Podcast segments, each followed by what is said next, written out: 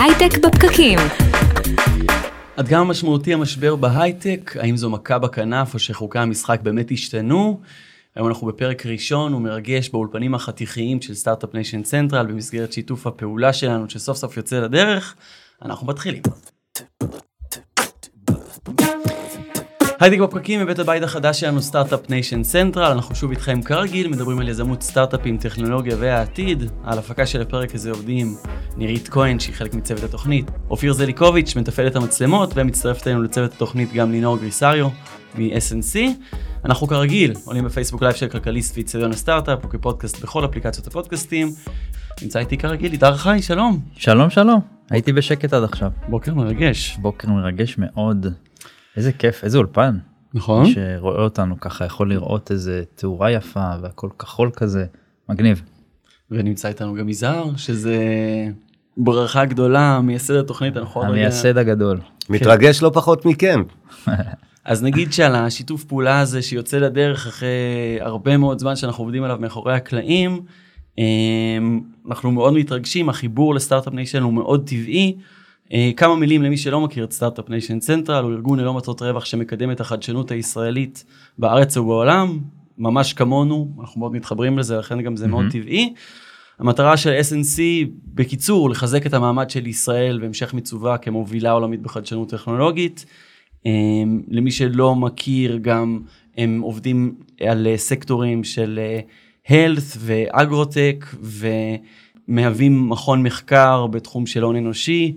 אמ, מוצאים אחלה של דוחות מאוד מעניינים. נכון, שאנחנו עוקבים ומסקרים אותם בתוכנית, נכון. בתוכניות כבר הרבה מאוד זמן. ונמצא איתנו האדם שלוקח הרבה זמן להציג אותו, כי אה, היה מהמייסד של התוכנית, אה, הייטק בפרקים, מייסד אצטדיון הסטארט-אפ, אה, עזב אותנו לפני כמה שנים לטובת הפוליטיקה, להיות שר המדע והטכנולוגיה, כיום הוא יו"ר קרן הון הסיכון פיק, שלום ליזהר שי. אהלן, התרגשות גדולה להיות פה, וברכות אה, לכם ולסטארט-אפ ניישן סנטרל. אין חתונה טבעית מזה. אני מרגיש כמו אה, אורח בחתונה כזה, מצד החתן והכלה, מצד השדכן, החתן, אולי אתה הכלה, הרב בעצם. משהו כזה, אבל איזה כיף. האבא. ברכות לכם, חבר'ה. ובהמשך יהיה איתנו גם אבי חסון, מנכ"ל SNC, ואז בכלל אה, החתונה הזאת אה, תושלם. אני מניח, אני כבר מדבר על הנושא שלנו היום, מגיעים אליך בטח הרבה אנשים מודאגים לגבי המצב של ההייטק הישראלי. האם אתה גם מודאג? אני לא מודאג, אני חושב שאנחנו צריכים uh, להתנהל בהתאם uh, לידיעה שאכן אנחנו בעיצומו של uh, משבר. אני לא יודע אם אנחנו בשיאו, כי יכול להיות שהשיא עדיין לא הגיע, אבל אנחנו בהחלט במשבר. Um, היתרון היחידי שיש לי עליכם, שהוא uh, יתרון uh, זעום למדי, אבל uh, הוא כרוך בוותק, בשנים של מי שהיה כאן קודם, ו... הייתי אה, אה, נוכח, הייתי חלק, אה, עברתי דרך שני משברים קולוסליים שעברו על ההייטק הישראלי והעולמי, האחד ב-2001-2002, התפוצצות הבועה וכל מה שהיה כרוך בזה, ו-2008 גם הוא משבר משמעותי בפני עצמו, אז מי שהיה שם דרך שני המשברים הללו מכיר את התהליך, קודם כל כולם אומרים שאולי יגיע משבר, אחרי זה הוא מתחיל להגיע ולא ברור האם כן או לא. אחרי זה מבינים שזה משבר, ומתנהלים בהתאם לתובנות שצריך לפתח, ובכל משבר צריך אה, לפתח את הרגישויות ואת המחשבות ואת התוכניות. ואחרי זה יוצאים ממנו וממשיכים אה, הלאה, והיום אנחנו במשבר באמת אמיתי, משמעותי, גלובלי, שהוא לא רק משבר בהייטק, הוא משבר כלכלי ומדיני ועם הרבה מאוד אה, השלכות. ואני יכול להגיד לכם באופטימיות מסוימת, על סמך השניים הקודמים, ויש ותיקים ממני שגם ראו משבר בשנות ה-90 ועוד אה, לפני כן. אה, אנחנו ניפגש פה בעוד כמה שנים, אולי האולפן הזה יראה אותו דבר, אבל ההייטק ימשיך לפרוח וימשיך להתקדם, יהיה בסדר. נדבר עליו. בזמן עבר. ב-2001-2002 כשהמשבר היה, איפה היית, איפה הוא תפס אותך אז? הייתי מנכ"ל של חברת סטארט-אפ בארצות הברית, כן. אה, גייסנו כסף לפני המשבר, והמשבר התאפיין בכמה פיקים, אחד מהם היה 9-11, אה, הפיגוע של 11 בספטמבר, שלא יצר את המשבר הכלכלי, קריסת הבועה התחילה בלי קשר, אבל הוא רק אה, אה, העצים, כי היו כמה חודשים של הלם טוטאלי, ש, שגרמו לעצירה בכל ההשקעות ו... בכל מה שקשור לפעילות מול משקיעים, שברגעי משבר פשוט קופאים במקום ומנסים להבין מה קורה. הייתי שם כמנכ"ל, חוויתי את זה, וזה היה אה, משבר שאנחנו עוד לא אה, נמצאים בו ברמת העוצמה שלו. אה, אם אתם רוצים רק תחושה, הנסדק בשנה אחת, בשנת 2002, איבד 80 מדד, הנסדק איבד 80 אחוז מהערך שלו, וואו. אחרי שהוא עלה במשך חמש שנים וצבר מאות אחוזים של עלייה, הכל נמחק בשנה אחת. אם אנחנו מדברים על שווים של חברות, אם אנחנו מדברים על אה, פיטורים, אם אנחנו מדברים על אה, התוצאות הכלכליות של המשבר ההוא, אנחנו עוד לא מגרדים עדיין כרגע בהייטק את המקום שבו היינו אז.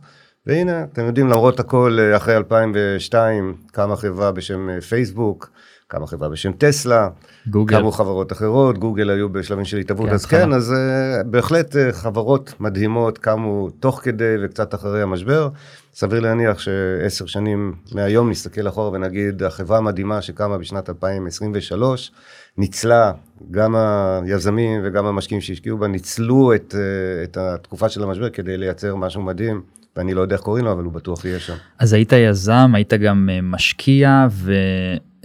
בתור מי שהיה בשני המקומות האלה, איך אתה חושב שמשקיעים חושבים? יש להם גם uh, כסף בקופה, מה האסטרטגיה ש, שהיום uh, לוקחים? בסוף הכסף הזה צריך להיות uh, deployed, כן. אז מה, מה עושים?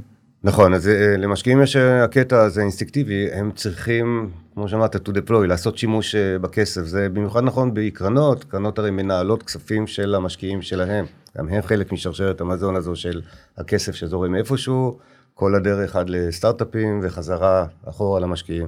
אמ, אז כשמשקיעים מסתכלים על אה, התקופה הזו, הם כמובן צריכים לעשות גם את ההתאמות שלהם, בדיוק כמו שמנהלי סטארט-אפ ויזמים עושים את ההתאמות אה, אה, שרלוונטיות לחברות שלהם. אצל משקיעים זה קודם כל לבחון את האסטרטגיה. האם האסטרטגיה שלנו רלוונטית לימים האלו. בתור דוגמה, הייתה אסטרטגיה שמאוד הצליחה בשנים האחרונות של השקעות בשלבים מאוחרים בחברות סטארט-אפ, 150-200 מיליון דולר בחברת סטארט-אפ בערך של מיליארד, שני מיליארד דולר. היו השקעה נכונה וטובה, אני לא אומר את זה בציניות, כי העובדה היא שחצי שנה, שנה לאחר מכן, אותה חברה שהשקעת בה 200 מיליון דולר, שווה פי שתיים או פי שלושה בבורסה, mm-hmm. והמשקיעים מרוויחים הרבה כסף. זו אסטרטגיה שהיום היא מאוד מאותגרת, עד כדי לא קיימת, כי הערכים של החברות בשווקים הציבוריים ירדו בצורה מאוד דרמטית. כן. ואז זה הולך אחורה, כי משקיע אתה מסתכל על אסטרטגיה ואומר, אני לא יכול לתת ערך של 2 מיליארד דולר, כי אני לא אוכל לשחזר את המכפילים המדהימים כן. שהיו כאן, אני חייב לשנות. תוצאה ישירה, כולנו רואים את זה, היעלמות של, ה, של הראונדים, של הסבבי גיוס המאוד גבוהים האלה, העצומים. פה ושם הם עדיין יהיו קיימים, כשמשקיעים יצליחו להצדיק לעצמם על הספרדשיט, כן. שאכן כן. אפשר להשקיע באיט. כל מה שראינו. של סופטבנק, שהכניסו מאות מיליונים. לקחת יותר כן. כסף ממה שהם בעצמם רוצים. כן. כן, אבל תראו, אתם אומרים את זה בציניות, קחו בחשבון שזאת הייתה תקופה שהמון אנשים טובה, כן. עשו כן. המון כסף, וכשאני מדבר על הרבה אנשים, אני לא מדבר על ההוא עם העניבת אה, פרפר שיושב בזה, זה מישהו שהשקיע בוול סטריט, כמוכם וכמוני, אדם פשוט. שקנה מניה ב-E-Trade, והמניה הזאת עלתה פלאים, והוא יכול היה למכור אותה ולממן לימודי קולג' לילד שלו, או לקנות אוטו חדש, או לצאת לחופשה. אה, אז איפשהו העושר הזה העשיר את כולם, לא רק את הציניקנים שאנחנו אוהבים להסתכל עליהם, ששמו המון כסף וקיבלו כסף חזרה. אה, אבל זה לא קיים. המכפילים האלה נעלמו, וכנראה שנעלמו לכמה שנים טובות, והקפיצות המהירות האלה גם כן נעלמו, אז עכשיו צריך לשנות אסטרטגיה. אז זה אומר שהיה, באמת ראינו המון מגה ראונדס ב-2021, משהו שאנחנו כמעט ולא רואים ב-2022, אז קרנות ההון סיכון לא מכוונות את הכסף לשם, לאן הוא כן הולך? אז הקטגוריה, באופן כללי, קטגוריית ההון סיכון אה, שוב שמה פוקוס גם בעמק הסיליקון ובמקומות אחרים, ובטח בישראל, על שלבים מוקדמים. אה, הולכים אחורה ומסתכלים על המקומות שבהם עדיין אפשר לייצר ערך במודל הון סיכון. הרי בהון סיכון בסוף אתה צריך לייצר מכפילים משמעותיים. Mm-hmm. אז אם אתה לא תייצר אותם על ידי השקעה בחברה ששווה 2 מיליארד דולר, כנראה תייצר אותם בחברה ששווה שני מיליון דולר, שזה לא בושה, זה בסדר גמור. כשאני הקמתי חברה, חבר'ה, החברה הראשונה שהקמתי שהייתה מגובת קרנות הון סיכון, קמה בשנת 98, לא נעים להגיד, זה קרה לפני יותר משלוש שנים. כמה זה? 24 שנים, נכון? כן. וגייסנו כסף בוולואציה של 3 או 4 מיליון דולר, זה היה נחשב טוב, לא היה בושה, יכולת ללכת פה ברחוב, אפילו ברוטשילד ולהגיד, גייסתי בפרי מאני של 3-4 והסתכלו עליך בכבוד. אז אנחנו חוזרים לשם, זה בסדר, אה, אני לא יודע אם הוולואציות עד כדי כך אה, ירדו, כי אנחנו כמשקיעי הון סיכון, ואני היום קשור בקרן הון סיכון שמשקיעה ב-early stage, אני מקווה שתכף נדבר על פיק, אבל גם בשותפות שלי, אני ונצ'ר פרטנר בדיסרפטיב AI, אנחנו משקיעים ב-early tech, deep tech technologies, בחבר'ה של שני שקפים, לפעמים עשרים שקפים, ורעיון גדול, ואנחנו רואים את המחירים, המחירים גם שם הולכים ומשתנים. אה, קשה היום לקבל אבלואציה של 30-40 מיליון דולר על רעיון, זה קורה עדיין פה ושם, אבל חוזרים לשווים אה, הרבה יותר נמוכים. כן, כלומר זה השתנה אה, ב-early stage, ב-early stage צריך קצת יותר, יותר מזה כדי... כן, אז גם יש דרישות יותר גבוהות ב-early stage, יש ככל שניתן הסתכלות על, על איזושהי הוכחת התכנות, ולידציה, כן. ולידציה של שותפים, design partners, אם זו חברת B2C אז אולי איזשהו traction התחלתי בשוק. אה, אז מסתכלים על הדברים האלה, מסתכלים על אה, ככל שניתן על פרמטרים שמעידים על היכולת של העסק אה, להמריא. אז זאת דוגמה למקום שבו יש אסטרטגיות השקעה, והאסטרטגיות האלה הולכות ומתאימות את עצמן לתקופה. ואנחנו היום בזמנים מצוינים של early stage, אם יש לנו מאזינים, יזמות, יז...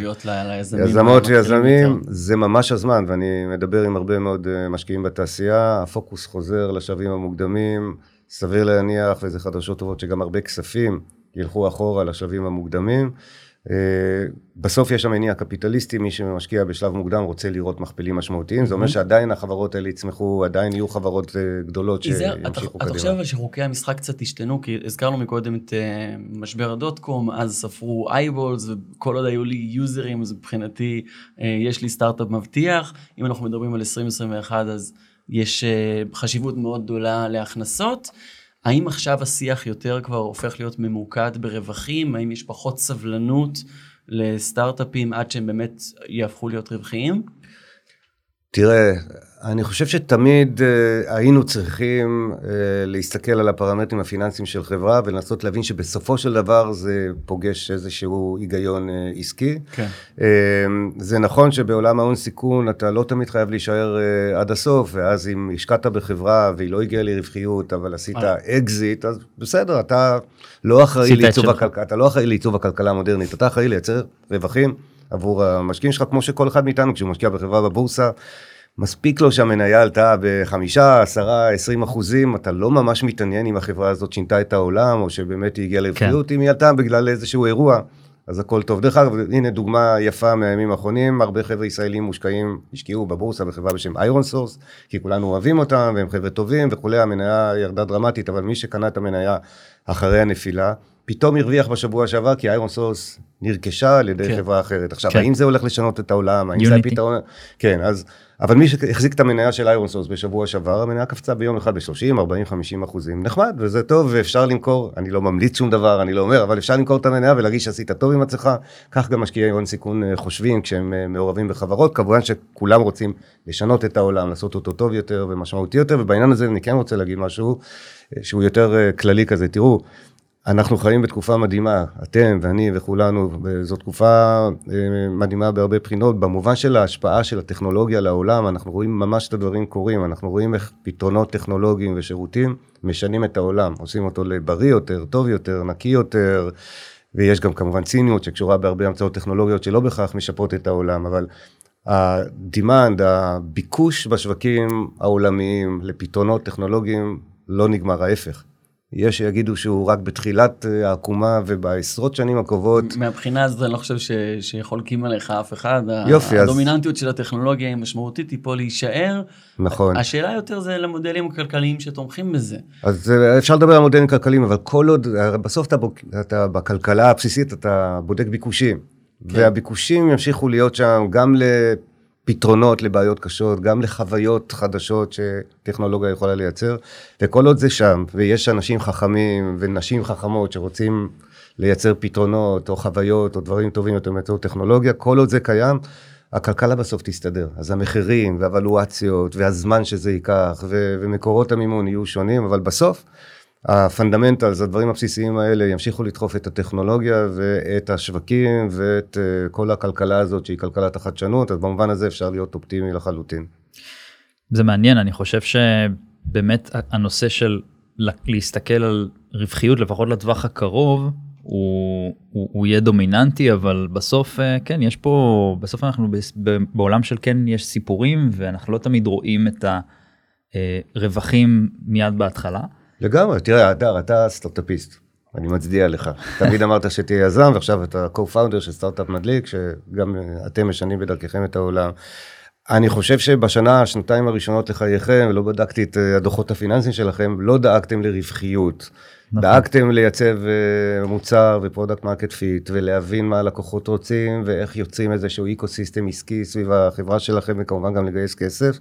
להוכיח ש... היתכנות של מה, של, כן, של הרעיון. בעיקר להוכיח שיש מי שמוכן לצרוך את הרעיון כן, הזה. מוכן לשלם. ואני מניח שמי שהשקיע בכם, בסוף ראה חברה ששלוש, ארבע, שבע שנים מהיום, יכולה לפגוש גם רווחיות, גם פרמטרים פיננסיים של עסק שחי ונושם ומייצר הכנסות וגם רווחיות. אבל זה לא קריטי לשלב הזה, וזה בסדר. כן. ככה חושבים יזמים אה, מנוסים ומתוחכמים, ככה חושבים אה, משקיעים.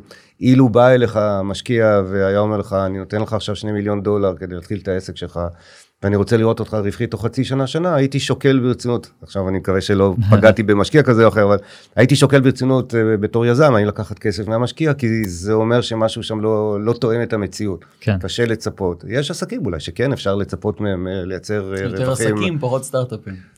כן, אבל כן. סטארט-אפ בסוף, אני חושב שהתפיסה של סטארט-אפ כעסק, היא בסופו של דבר תפיסה נכונה. בסוף המציאות פוגשת כל אחד מאיתנו, גם אם אתה סטארט-אפ מדליק וכולי. דרך אגב, אתה יכול לראות גם היום סטארט-אפים אה, בני 10-15 שנים שכבר הפכו להיות חברות עסקיות משמעותיות שעדיין איכשהו נכון. נושקים לגבול הרווחיות, mm-hmm. ועד לפני שנה בבורסה הם לא נענשו על כך, והיום אה, כן, השוק אומר להם, חבר'ה, אתם בני 10-15 שנים, המטריקות שלכם עדיין לא פוגשות רווחיות, תתחילו להתייחס כן. לזה ברצינות, והמניה שלכם נראית uh, בהתאם. ואנחנו רואים את המציאות הזאת uh, בשטח. ספר לנו קצת על פיק, מה, מה אתה עושה בפיק? בשמחה, אז אני חושב שזו בדיוק הדוגמה לחשיבה. שמתאימה לצרכי הימים האלו. קודם כל, אני חייב לתת קרדיט, לא אני הקמתי את פיק, אני הצטרפתי לצוות של יזמות ויזמים מנוסים, אה, חדשניים ומאוד מאוד אה, אמיצים, שהקימו סטארט-אפ, במקרה שלהם זה לא סטארט-אפ שבונה טכנולוגיה, זה סטארט-אפ שבנה מודל חדשני להשקעות בחברות סטארט-אפ, אה, והרעיון של פיק הוא אם, אה, דרך אגב, הם עשו פה הרבה עבודה אנליטית ובדקו, הכינו שיעורי בית ממש מחקריים 20 אה, שנים אחורה, ובדקו את הסטטיסטיקה של חברות סטארט-אפ בהייטק הישראלי, שמגובות על ידי מיטב קרנות ההון סיכון. ושם רואים דבר מעניין. אם אתה חברת סטארט-אפ שגייסה כסף מאחת מנניח 35-40 קרנות ההון סיכון המובילות בישראל, יש לך סיכוי מצוין לגייס כסף בוואלואציה גבוהה יותר, בשנתיים הקרובות, אחרי ההשקעה הראשונה. Mm-hmm. אז אם uh, אני כשותף השקעות בדיסרפטי ו-AI השקעתי בשלב סיד בחברה, יש לה סיכויים מצוינים, דרך אגב הסיכויים הם מעל 85 אחוז לגייס כסף בוואלואציה גבוהה תוך uh, שנתיים. אז מי שמסתכל על זה אומר, אוקיי, אז כבר פה יש מודל מעניין. אם אני משקיע, כן. ודיברנו קודם על זה שאני לא חייב ללוות את החברה כל הדרך, יכול להיות שיש מודלים של אה, רווחיות עבור משקיעים גם בדרך. אה, באמצע הדרך, נניח לעלות על האוטובוס, לנסוע איתו תחנה או שתיים ולרדת, וזה בדיוק מה שהחבר'ה של פיק עושים. הם אומרים, אנחנו ניכנס כמשקיעים בחברות בשלבים מוקדמים, בתנאי שיש שם קרן הון סיכון ישראלית מובילה mm-hmm. שמובילה השקעה, ובסבב הבא אנחנו נמכור את ההחזקות שלנו לבאים בתור. עכשיו... מעניין, כמין מלווה כזו. כן, ועכשיו יש פה כמה גורמים שצריכים להסתדר ביחד. האחד הוא... למה שאני כיזם ארצה להכניס לתת למישהו טרמפ, כן. ואתה בא אליי לשבע שמונה שנים או אתה בא אליי לשנה שנתיים, שאלה כן. מצוינת. למה והתשובה... אני צריך את פיק על ה cap table? כן, אז התשובה של פיק היא, כי יש פה דבר אחד מאוד חשוב, שהוא השותפות של הציבור הישראלי בחגיגה הזאת, ותכף נדבר על זה, והדבר שני, פיק מביאה איתה אנשים אה, מנוסים, אני רוצה לחשוב שהם מוכרים אותי כאחד האנשים המנוסים האלה, אבל יש חבורה שלמה של אנשים מנוסים בתוך פיק וסביבה, יזם סדרתי כמו זיו אלול, שהוא בדירקטוריון של פיק למשל, אדם שהקים חברות, ניהל חברות, גם בפרטי, גם בציבורי, הגיע לאקזיטים מוצלחים, מעורב היום לדעתי באיזה עשר קרנות הון סיכון בישראל וב-20 או 30 סטארט-אפים, אז אחד כמוהו שמצטרף למסלול שלך, גם אם הוא מצטרף לשנה-שנתיים, אני חושב שיש בזה ערך וכמונו גם אחרים. אז זה חלק אחד של העניין. יש לי שאלה על זה, אבל כי אני, מהניסיון שלנו, אה, באמת, גם אם היה לנו אנשים מנוסים שליוו אותנו בצורה כלשהי, הערך האמיתי שאנחנו מקבלים זה מאנשים שהם באמת מתעמקים מאוד במה שאנחנו עושים ויכולים לתת עצות. השאלה עד כמה באמת יש לאותם אנשים את האטנשן לעזור לחברות אם זה עכשיו הרבה חברות. אז שאלה טובה, אז אם הייתה לי הזכות כיושב ראש פיק להיות מעורב בחברה שלך, הדר, היית מזמין אותנו למסע הזה ביחד עם הסבב הראשון שלך, הייתי משתדל ככל יכולתי. אה, דרך אגב, האחריות שלנו נמשכת גם אחרי אה, שהחזרנו את המוצר, אחרי שמכרנו את המניה, אנחנו תמיד זמינים, תמיד נמצאים שם ונשמח לעזור. אתם מכירים אותי, אבל גם אנשים אחרים בפיק הם אנשים מהסוג הזה, כי אנחנו רואים בזה גם רעיון. מעבר לפוטנציאל העסקי המעניין, שזה למכור מניה תוך שנה, שנתיים, תחשבו, המשקיעים שהשקיעו בך בסטארט-אפ יראו את הכסף, את הרווחים שלהם, בעוד 7-8 שנים. אני מאחל לך שפחות, אבל זה הממוצע. עכשיו, הם יפגשו הרבה יותר כסף, זה בסדר, המכפילים יהיו הרבה יותר גבוהים. אנחנו יותר צנועים, הסטטיסטיקה מראה שחברה משלב ה-C לשלב ה-A, נניח מכפילה את ערכה, או עושה פי שלוש, אז זה גם בסדר מבחינתנו. כן. אבל אני כן רוצה לציין גורם אה, חשוב לא פחות פה, והוא ההשתתפות של הציבור. בעצם כל הרעיון אה, של ההשקעה דרך פיק הוא שאנחנו מנגישים את ההשקעה בחברות סטארט-אפ לציבור הישראלי. לציבור בצורה בעיניי הרבה יותר אה, מעניינת זה... וטובה, לא, מאשר לא, לא. crowdfund. זה לא אה, מוזים, זה אתה אורי ואתה הדר, אם היה לכם חודש טוב ועשיתם הרבה פודקאסטים ומישהו שילם לכם ויש לכם כמה אלפי דולרים שאתם מוכנים לסכן, זה עדיין השקעה מסוכנת. פיק לוקחת את הכסף שלכם, מפזרת אותו על כעשר חברות סטארט-אפ, כך שהסיכון מפוזר, ואתם זוכרים את הסטטיסטיקה שאמרתי? בערך 85% סיכוי שהחברות האלו אה, יעלו את ערכן, ואתם תפגשו כסף במכפיל כן. כזה או אחר תוך שנה וחצי, שנתיים. ככה פיק עובדת, והרעיון באמת אה, שכבש אותי, כמי שהרבה שנים אה, נלחם על כך שהציבור הישראלי יהיה חלק מחגיגת ההייטק וחגיגת הכלכלה שסביב החדשנות, מבחינתי זה ממש מסר, זה גם... שונה מ crowdfunding. בדיוק, זה רעיון הרבה יותר מעניין מאשר כן. crowdfunding. כי, כי מה שקורה ב crowdfunding זה שאתה בוחר חברה אחת, ואז כמשקיע ב crowdfunding אתה בעצם לוקח על עצמך את הסיכון של קרן הון סיכון. נכון. בלי, בלי, בלי כל הכלים שיש בדיוק. לקרן הון סיכון. שיכול... בדיוק. שזה, אתה יודע, קודם כל זה מודל לגיטימי, ואני מברך גם ה crowdfunding, בארצות הברית בכלל הייתה חקיקה סביב הנושא הזה שדחפה את כל העולם, בזמן משטר אובמה, וזה בעצם מה שהתחיל לעורר את נושא ה crowdfunding בחברות הייטק, אבל זה עדיין השקעה מאוד מסוכנת, כי אתה משקיע בחברה, אתה לא משקיע בפורטפוליו. כן. בפיק אתה נותן את כספך למנהלים, אתה מסתמך על due diligence וכל תהליכי הבדיקה של הקרנות המובילות בישראל, ההשקעה שלך גם מפוזרת בכמה חברות, ואז אה, אתה אמור להיות הרבה יותר מוגן, אני מאוד אוהב כן. את זה, והייתי מאוד שמח לראות כמה שיותר ישראלים רגילים כמוכם וכמוני. משקיעים בהייטק הישראלי. הזאת, ונראה לי באמת אנחנו יוצאים מהרעיון הזה בהרגשה חיובית, אנחנו נמשיך לדבר על מצב ההייטק הישראלי, יהיה איתנו עוד רגע אבי חסון, מנכ"ל Start-Up Nation Central, מקווה להמשיך עם החיוביות, יזהר תודה רבה. תודה לכם והרבה הצלחה עם, עם Start-Up Nation, עם אה, הייטק אה, בפקקים, ממש כיף אה, להיות אצלכם חבר'ה. תמיד כיף שאתה פה.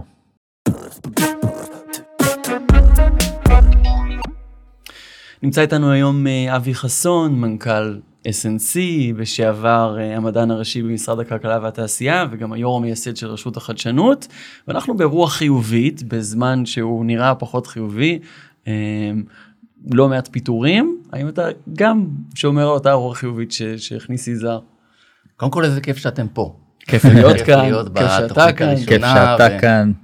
תחילתה של מערכת אה, ידידות נפלאה, אני בטוח. כן, כן. אמ, אם לחזור למה שיזהר אמר, אני, אני, אני מאוד מתחבר לעובדה שהמשבר הזה הוא לא ראשון, וכנראה גם לא אחרון, אבל אני כן רוצה אולי לחדד או להוסיף כמה דברים שיזהר פחות הת, אה, התייחס אליהם, שהופכים את המשבר הזה לשונה. אה, לטוב ולרע. אני חושב שאנחנו מגיעים כתעשייה למשבר הזה בהרכב מאוד שונה ממה שהיינו ב-2001. ב-2001 כבר הייתי, גם אני משקיע בקרן הון סיכון אז, וחוויתי את ההייפ הגדול ואת ה, את הקריסה. היום כמובן המשבר לא מתחיל מההייטק אבל משפיע עליו. אבל מה ששונה מאוד מבחינת ההייטק הישראלי זה שיש לנו היום, תעזבו את המושג יוניקורנים שהשתמשנו בו אני חושב כבר לעיפה, אבל עשרות חברות טכנולוגיה שמוכרות, מייצרות מכירות של מאות מיליוני דולרים שמעסיקות אלפי אנשים. הדבר הזה הוא מחד הזדמנות ומצד גם איום. כי פתאום לא רק אכפת לנו מה קורה עם המשקיעי ההון סיכון וכמה כספים יש להשקעה, אלא גם מה קורה בכלכלה הריאלית. כן, מה הלקוחות לקוחות קונים. פחות קונים דברים. נכון, וזה משפיע. אגב, זה משפיע אבל גם מהצד השני, כי פתאום יש לנו קאדר של חברות שנכנס למשבר הזה עם ביזנס רצוף וכן הלאה. הזכיר יזהר, בשיחה שלכם עלתה ironSource כחברה. ironSource חטפה הרבה ביקורת בעיתונים, נכון? כן. אה, הוא התייחס למי שאולי נהנה, אבל הרבה אנשים לכאורה הפסידו הרבה כסף. חברה שהונפקה ב-11 מיליארד דולר שנה שעברה, ועכשיו מוזגה לפי פרסומים זרים בשווי של 4.5 מיליארד דולר. אבל אני, אני אומר, בואו שנייה נעזוב את זה שנייה ונסתכל על החברה עצמה. ואיירונסופט זו חברה רווחית, אגב, והרבה מאוד זמן, שמוכרת ברבעון 200 מיליון דולר, מעסיקה אלפי עובדים מגוונים, לא רק מהנדסים ולא רק מתכנתים. זו חברה בריאה מאוד. ופחות חשוב עבורי, כמי שלא לא השקיע, אם השווי הוא 11 מיליארד דולר או 4.5 מיליארד דולר לפני חמש שנים, לא היו לנו חברות כאלה. כן. ועכשיו יש לנו לא אחת, לא שתיים ולא עשר, במגוון רחב מאוד של סקטורים. זה מכניס אותנו למשבר במצב הרבה יותר איתן לדעתי מחד, ו... מצד שני יוצר- גם גם- כלום. נכון. כי, כי ויוצר אי ודאות. בדיוק. עכשיו, יש פה באמת הרבה יותר חברות רווחיות בישראל, שכל המשרדים שלהם נמצאים כאן, ולא רק המרכזי פיתוח, ובאמת התעשייה בארץ הפכה להיות מעט יותר גדולה, יותר מגוונת. זה משפיע, יש לזה גם אדוות משמעותיות. אם אנחנו ניקח עסק אקראי, הוא קשור לתעשיית ההייטק הרבה יותר מאשר שהוא היה קשור פעם. ומהבחינה הזאת, אם... יש עיתונים מסוימים שנורא אוהבים לחגוג את המשבר הזה, אה, וזה עניין שלהם. זה, זה צריך להבין שזה משבר ישראלי, אם באמת יש משבר בהייטק, מה שלא היה לפני כן. תראה, אחת הסיבות המרכזיות כנראה שב Start-Up Nation Central אנחנו מקדמים את האקוסיסטם של ההייטק, זה מתוך מקום של חיזוק כלכלה וחברה ישראלית. אז בוודאי אנחנו, ובוודאי גם בתפקיד הקודם שלי, זו הייתה המשימה. ההבנה הזאת שהתוכנית העסקית של מדינת ישראל זו תעשיית החדשנות, ולכן, כמו שאתה אומר, יש קורלציה בבריאות, וככל שהחברות הפכו להיות יותר גדולות, משמעותיות, עולה גם הסיכון. עולה גם הסיכון ונוצר נוצר הקשר אה, בין הדבר. אני אומר שוב, המשבר הנוכחי הוא לא משבר שמתחיל בהייטק, הוא משבר שמתחיל בכלכלה הריאלית. ואי הוודאות שאנחנו חווים כרגע, תישאר איתנו כנראה בחודשים הקרובים. בשיחה עם רונן ניר אה, בשבוע שעבר באמת דיברנו על זה שאנשי הייטק הם, אה, הם לא רק אנשים בחברות הייטק היום כל חברה מעסיקה אנשים שאפשר להגדיר אותם כאנשי הייטק אז זאת אומרת גם חברה מהתעשייה שאתה יכול לחשוב הכי מיושנת בסוף מחזיקה אנשים שהם אנשי דיגיטל אנשים שעוסקים בסייבר. data analyst וכולי. זאת אומרת בסוף כל חברה היא בסוף הופכת להיות מאוד טכנולוגית והתעשייה היא הרבה יותר אה, גדולה ומשמעותית ו- וככה גם ה- ה- הפגיעות שלה באיזשהו מקום. כן, אני מאוד מתחבר אדר למה שאתה אומר. שוב, גם השנתיים של הקורונה מאוד האיצו את התהליך הזה, נכון? כי עסקים הבינו שברמה הכי הכי בסיסית, בשביל להישאר פעילים ולצמוח, הם חייבים להיות דיגיטליים ו- ולהתחבר ל- לעולמות האלה כן. של, של ההייטק. אבל מכיוון שהמשבר לא התחיל בהייטק, אז הפגיעות של התעשייה היא ככל אחת מהתעשיות האחרות. אני לא רואה את המשבר הזה מכה בהייטק חזק יותר ממה שהוא מכה בתעשיות אחרות. אנחנו נמצאים בתוך עולם של הרבה אי ודאות כלכלית, פה סביבה אבל אינפלציונית. כן יש את העניין של ריבית שמשפיע על תעשיית הייטק הרבה יותר מאשר תעשיות אחרות, כי כשאנחנו מאבנים את הרווחים העתידיים והריבית עולה, אז הם נמוכים יותר, וזו סיבה מאוד טובה לזה שהערך שלהם פשוט נחתך משמעותית. כן, אז כן, אבל שים לב מה ההייטק אתה אומר, אורי. רגיש יותר. אבל שים לב מה אתה אומר. שוויי החברות רגישים לנושא הזה. נכון. זה נכון. המכפילים בהייטק שהיו אבל all times high בשנתיים האחרונות, פתאום יורדים נכון. למקומות, יש שיגידו יותר רציונליים, יש שיגידו יותר פגיעים, בעיניים של ליזר אולי מייצרים הזדמנויות, אבל בסוף אני מסתכל על הביזנס, והביזנס מושפע מהכלכלה העולמית. ויש חברות הייטק אגב שתיפגענה יותר, כי הם בענפים שנפגעים בדרך כלל קודם, ויש חברות שהן יותר רובסטיות למשבר הזה, ויכולות לשמור על הביקושים שלהם, ובאופן יחסי, ההייטק הישראלי מוטה לכיוונים שהם יותר עמידים מהמקבילים שלו. אבל זה לא עולם נפרד של עולם של משקיעים ועולם של אה, שורת הרווח. בסופו של דבר, אם יותר קל לגייס כסף אה, ממשקיעים, אז גם בסופו של דבר התעשייה פורחת. זה לא עולמות מנותקים. לכן גם ההשפעה של הריבית, שנראית אולי רחוקה, רלוונטית גם לשורת הרווח. אז כן יש פה איזשהו קושי. בוודאי, שוב, אז, אמר- אז זהו, אז התהייה, אה, כמה חוקי המשחק השתנו וכמה באמת, אני שאלתי את זה גם מזהר, את יזהר, האם באמת יש פחות סבלנות מחברות להציג רווחים בטווח הקצר יותר? אז תראה, אה, כעוד מישהו, אני מחייך, כי גם יזהר דיבר על, על הקילומטראז', אז- גם אני כבר נמצא בעולם הזה מעל 30 שנה. כן. ואני אטען בפניך שבמידה רבה חוקי המשחק השתנו ב-2021 ולא עכשיו. מהמם. ב-2021 ראינו הקצנה של תופעות כן. שהיו לא הגיוניות. אגרסיבי נורא, גיוס עובדים חסר תקנה כן, ושרפת עוד- מזומנים מטורף. אבל עוד לפני זה, זאת אומרת, אתה יודע, אחד הדברים שקרו ב-2022 עכשיו, שהמושג due diligence חזר לאופנה. הוא כמעט לא היה קיים ב-2021. כן. עסקאות נסגרו תוך 24 שעות על ידי משקיעים, יודע, עם, עם מוניטין עולמיים, בוולואציות גבוהות וכן הלאה, ופתאום אנחנו זה חוזרים... קצת hangover טיפה של מה שהיה כן. ב-2021. במידה מסוימת, תשמע, בהקשר הזה לדעתי דוגמה נורא מייצגת זה Tiger Global, חברת ההשקעות אה, האמריקאית, קרן הון סיכון, שממש עשתה due diligence חיצוני, לא בעצמם, והשקיעו במאות חברות, לדעתי 380 חברות הם השקיעו בשנה אחת, תחשוב על זה, זה יותר מחברה ביום. וואו זה מטורף. זה אז כאילו- אתה יודע, אחד הדברים ב Start-Up Nation Central שאנחנו מאוד אוהבים זה דאטה.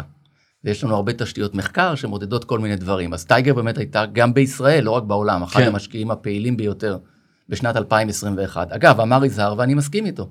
זו הייתה אסטרטגיה נכונה לשעתה. היה, היה היגיון בשיגעון, כל עוד השווקים תמכו בזה, המערכות הפיננסיות. נסתכל על ההייטק הצמיחה והביקושים. בוא נשקיע בכל החברות, וככה, אה, אם בסקטור הזה באופן כללי יצמח, אז גם אנחנו נהנה מזה. אבל היום אני חושב שאנחנו באמת אה, אה, רואים שינוי. עכשיו, אם רק נחזור לנתונים, אנחנו בחודש יולי, אז יש לנו את נתוני המחצית הראשונה. מחצית הראשונה של 2022, חברות הייטק ישראליות מגייסות כ-10 מיליארד דולר. עכשיו, זה פחות ממה שהיה שנה שעברה בזמן המקביל, כן? בערך 30 אחוז פחות, או 25 אחוז פחות. זה עדיין אבל זה יותר לא מכל מעט. שנת 2020 כולה. כן. מדהים. זאת אומרת, אנחנו, אם אנחנו מחליקים את הגרף ומסתכלים שנייה ב- בראייה קצת יותר אה, פתוחה, אנחנו רואים שהצמיחה עדיין נמשכת. ואנחנו רואים אה, גם פתאום איזשהו שינוי בתמהיל, שגם הוא אני לא בטוח שהוא שלילי. כי אם בשנה שעברה עיקר ההשקעות היו בשלבים המוקדמים, ויש ירידה מתמדת משנת 2014 במספר הסטארט-אפים החדשים שנפתחים, פתאום אנחנו רואים קצת התאוששות בעניין הזה. וב-2002, אני אומר לכם את זה באמת, כי אז באמת הייתי משקיע בג'מיני, לא רק קמו חלק מהחברות הטובות, אלא לאיזשהו זמן קצר השוק קפא. כי היזמים אמרו, טוב, המשקיעים מן הסתם לא ישקיעו, כי עכשיו כולנו בבונקרים, והמשקיעים דווקא חיפשו את היזמויות האלה. אז עכשיו בעיניי זמן מצוין להקים חברה, מכל בחינה שהיא. יש הרבה מאוד כסף בכיסי הקרנות. נכון, יותר קשה להוציא אותו, צריך באמת לבוא עם רעיון טוב וצוות טוב. אמ, ההזדמנויות שם, ו- ואני בטוח שהם ימשיכו איתנו. אתה חושב שההזדמנויות הן בתחומים אה, אחרים אולי ממה שהיו זאת אומרת חברות אה, כשאתה מסתכל על החברות הגדולות אולי הם יותר אה, נוטים לכיוון ה-must have ופחות ה-nice to have דברים שהם כאילו קצת יותר fun וזה הם חותכים אבל דברים שהם מאוד קריטיים לביזנס הם אה, אולי מעלים דברים שקשורים למכירות לתמיכה על דברים שהם קריטיים לעסק. כן, אז, אז יש באופן כללי, וגם זה אפשר ללמוד מהעבר, חברות שמתאימות יותר לזמן משבר, כן, וחברות בדיוק. שכמו, קצת כמו קונסיליירי לתקופת מלחמה ולתקופת שלום, כן? זה כן. טיפה שונה. למרות שבסוף הביקוש לטכנולוגיה הוא זה, וזה ברור שחברות שישכילו ללכת למקום הזה, אגב, או של צמצום הוצאות, אבל לפעמים גם של השאת הכנסות ללקוחות שלהם, ובוא נזכור, ההייטק הישראלי עדיין, עדיין, הטרנד שונה, ואני מברך על זה, אבל הוא עדיין מאוד מאוד B2B oriented. כן. כלומר, רוב הלקוחות של חברות ההייטק הישראליות הם חברות אחרות גלובליות. ולכן גם טיפה פחות מושפע ממיתון. נכון מאוד, ולכן פחות מושפע ממיתון, ו- ויתרה מזאת, כשאנחנו מסתכלים קצת על, ה- על התחומים, ואתם יודעים, שוב, ב Start-Up Nation Central אנחנו מכסים את כל הסקטורים כולם, אבל הגדרנו לעצמנו כמה סקטורים שאנחנו מתמקדים בהם. אז health למשל, אם ניקח כי הוא אחד הדברים האלה, רוב, כמעט רובסטי לדבר הזה. זאת אומרת, הצורך בפתרונות כאלה, ובמיוחד בפתרונות טכנולוגיים, שבאופיים משפרים את ה economics של מערכות בריאות, שהם לא מי יודע כמה, בוא נגיד את זה בעדינות, כן. הביקוש שלהם לא הוא. הוא כמעט קשיח. כן. זה מרתק. איזה עוד תעשיות Start-Up Nation Central מתמקדת בהם ואיך אתה מרגיש את השינויים שם?